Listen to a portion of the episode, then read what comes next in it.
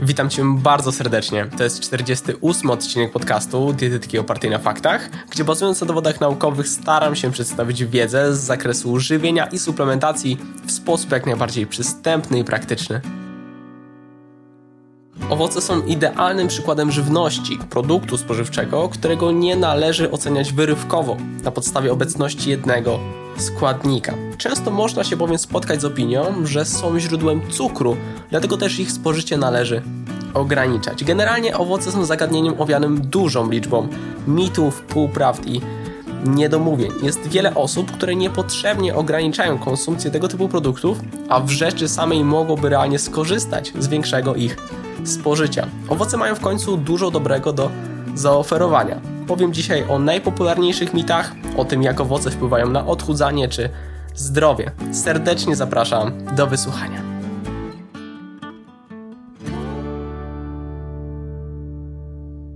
Dzisiejszy odcinek podzielę na fragmenty w ten sposób, że będę czytał najpierw pewne stwierdzenie, przekonanie dotyczące owoców, które jest oczywiście mitem, i następnie uzasadnię wypowiedź argumentami. Mam nadzieję, że taka forma okaże się przyjemna i przejrzysta.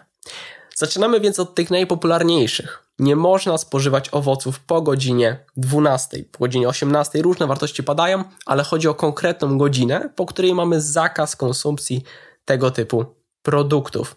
No i najczęściej przytaczanym argumentem entuzjastów tego zalecenia jest twierdzenie, że uwaga, w porze popołudniowej organizm spowalnia swój metabolizm, a dostarczone przed snem cukry nie zostaną zużyte, tylko zmagazynowane pod postacią tkanki tłuszczowej. I takie przekonanie w zasadzie można bardzo prosto obalić. Metabolizm to nie jest nic magicznego. Nie używając tu trudnych definicji, a sprowadzając do takiego prostego zobrazowania, to tempem metabolizmu można nazwać ilość energii, kalorii niezbędnych do zaspokojenia zapotrzebowania energetycznego naszego organizmu. A więc na pewnej płaszczyźnie to synonim do całkowitego zapotrzebowania kalorycznego. Mówiąc szybki metabolizm, chodzi o wysokie zapotrzebowanie, dużą liczbę kalorii, niski wprost przeciwnie. I każdego dnia wydatkujemy pewne ilości energii. Kluczowe jest to, ile sumarycznie energii spożyjemy. Gdy dostarczymy jej zbyt dużo, niezależnie czy z owoców czy nie, faktycznie może dojść do przyrostu tkanki tłuszczowej. Jednak nijak się to ma do owoców i konkretnej godziny. Wartość energetyczna owoców nie zmienia się w ciągu dnia. Mają one tyle samo energii rano i wieczorem. Kluczowym aspektem jest więc bilans energetyczny. Jeżeli do wieczora skonsumujemy ilość kalorii pokrywającą zapotrzebowanie organizmu, to spożyte w jakiejkolwiek formie dodatkowe kalorie, w tym z owoców, odłożą się najprawdopodobniej w postaci m.in. tkanki tłuszczowej. To więc argument całkowicie oderwany od kontekstu. Kolejnym argumentem bywa przekonanie, że owoce podnoszą poziom cukru we krwi, z którym organizm nie jest w stanie sobie poradzić w godzinach wieczornych a nieustabilizowanie poziomu glukozy przed snem ma z założenia prowadzić do przyrostu masy ciała.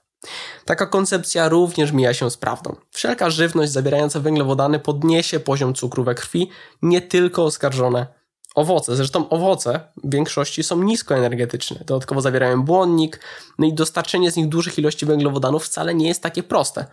Odnosząc to chociażby do indeksu glikemicznego, bo taki argument też pada, mm, to fundamentalne jest zrozumienie, jak taki indeks się oblicza. Jest on wyznaczony na podstawie konsumpcji 50 gramów przyswajalnych węglowodanów z konkretnego produktu. By natomiast zjeść dla przykładu 50 gramów przyswajalnych mm, węglowodanów z arbuza, który ma dość wysoki indeks glikemiczny, należałoby go zjeść ponad około właściwie 700 gramów. Typowa porcja jest w praktyce przeważnie mniejsza, co rzutuje na stężenie glukozy po spożyciu. Dlatego też przydaje się ładunek glikemiczny, który bierze pod uwagę porcję.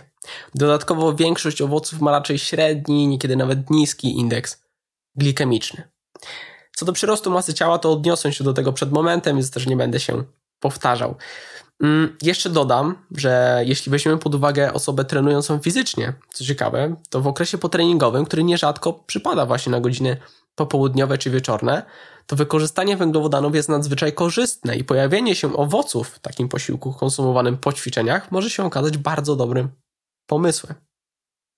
I ostatni argument, z którym spotkałem się w ramach przytoczonego twierdzenia, jest sugestia, że owoce spożyte w godzinach, co już my po 18 będą fermentować w żołądku. Tu wystarczy w zasadzie wspomnieć, że pH żołądka jest naprawdę bardzo niskie i ją zwyczajnie uniemożliwia. Słyszałem też przekonania o gniciu owoców, ale to, wystarczy podstawowa wiedza z zakresu fizjologii człowieka. Stąd nie ma absolutnie żadnych dowodów na to, że unikanie owoców po godzinie 12-18 konkretnej godzinie może przynieść korzyści. Owoce można jeść o każdej porze dnia.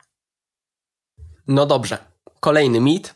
Owoce utrudniają odchudzanie. Niektórzy kojarzą słodki smak, cukier, raczej z czymś, co nie wspomaga odchudzania, ale wynika to z faktu, że wiele takich produktów, właściwie większość takich produktów, słodyczy, wysokoprzetworzonej żywności, to produkty wysokokaloryczne, niskoodżywcze, mogące prowadzić do realnie nadmiernej konsumpcji. Owoce mają natomiast zgoła inne właściwości. Są niskoenergetyczne, na 100 gramów przypada najczęściej od 20 do około 80 kilokalorii, a przypominam, że ciastka przeważnie mają 400, 500, a nawet więcej kilokalorii na 100 gramów. Dodatkowo owoce są bogate w witaminy, składniki mineralne, fitozwiązki, błonnik i właśnie przez wysoki udział błonnika oraz wody, mm, zwyczajnie dużą objętość, są także bardzo sycące. Zdecydowanie są także bardzo smaczne, ale zjedzenie kilograma jabłek, i nie mówię to o szarlotce, no jest wyzwaniem, podobnie zresztą z innymi owocami. Ponadto, co bardzo ważne, wspomniane przekonanie nie znajduje odzwierciedlenia w dowodach naukowych, co niekiedy nazywane bywa paradoksem. Zarówno badania obserwacyjne, jak i interwencyjne konsekwentnie wykazują efekt wspierający utratę tłuszczu zapasowego, więc jeżeli się odchudzasz, bądź planujesz się odchudzać, to owoce są świetnym dodatkiem, którego nie należy się obawiać. Tu jeszcze bywa, że pada argument o fruktozie, o tym już kiedyś mówiłem, ale przekonanie o tuczących właściwościach fruktozy wzięło się z badań na gryzoniach, a te kompletnie inaczej metabolizują fruktozę niż ludzie. Zresztą kluczowy jest efekt, to co wspominałem na samym wstępie. Nie powinniśmy oceniać owoców z perspektywy, mm, z perspektywy wyłącznie obecności cukru, o czym zaraz też będę mówił zresztą, bo kluczowe jest to, że w praktyce spożycie owoców sprzyja redukcji nadmiernej masy ciała. Lecimy dalej, to co już zapowiedziałem właśnie przed chwilą. Mit pod tytułem Owoce są niezdrowe, bo cukier.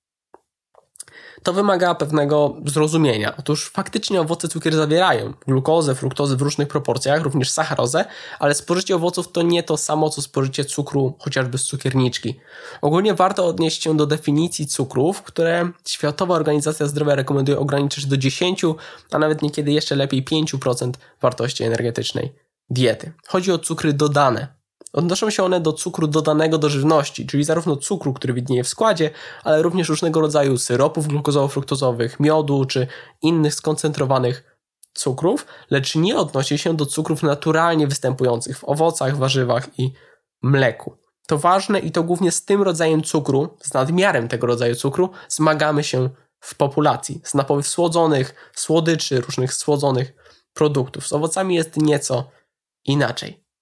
Otóż po pierwsze, tego cukru nie jest w nich tak dużo. Dla przykładu, puszka coli to około 35 gramów cukru. Tymczasem szklanka malin to 6 gramów cukru, garść truskawek 4 gramy, mm, duże jabłko około 18, średnia brzoskwinia około 8. To naprawdę znaczące różnice. Bo dla przykładu, wypicie puszki coli to żaden problem i nie wpłynie to praktycznie na odczuwanie sytości. Natomiast zjedzenie ponad pół kilograma truskawek co da nieco ponad 30 gramów cukru właśnie, już bezwątpliwie tak.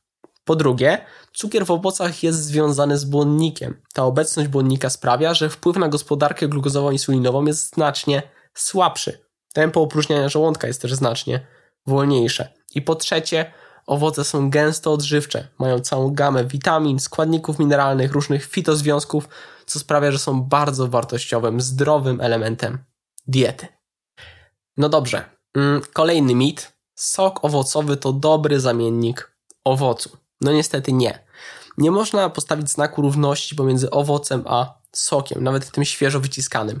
Niestety taki sok zawiera znacznie mniejsze ilości błonnika, a najczęściej praktycznie go nie zawiera, a co za tym idzie taki produkt już zupełnie inaczej wpływa na sytość czy gospodarkę węglowodanową. Soki tracą również pewne ilości witamin, są więc znacznie mniej wartościowym elementem diety i stojąc przed wyborem owocu lub soku, naprawdę warto wybrać cały owoc. To nie znaczy, że sok to wielkie zło. Niektóre osoby mogą z niego wręcz skorzystać, chociażby sportowcy, ale trzeba być świadomym jego wad. No nie oszukujmy się, wypicie pół litra soku jabłkowego, a zjedzenie prawie kilograma jabłek to zupełnie co innego. pierwszego nawet szczególnie nie odczujemy, a drugiego prawdopodobnie nie zjemy na jeden raz. Warto więc na to uważać.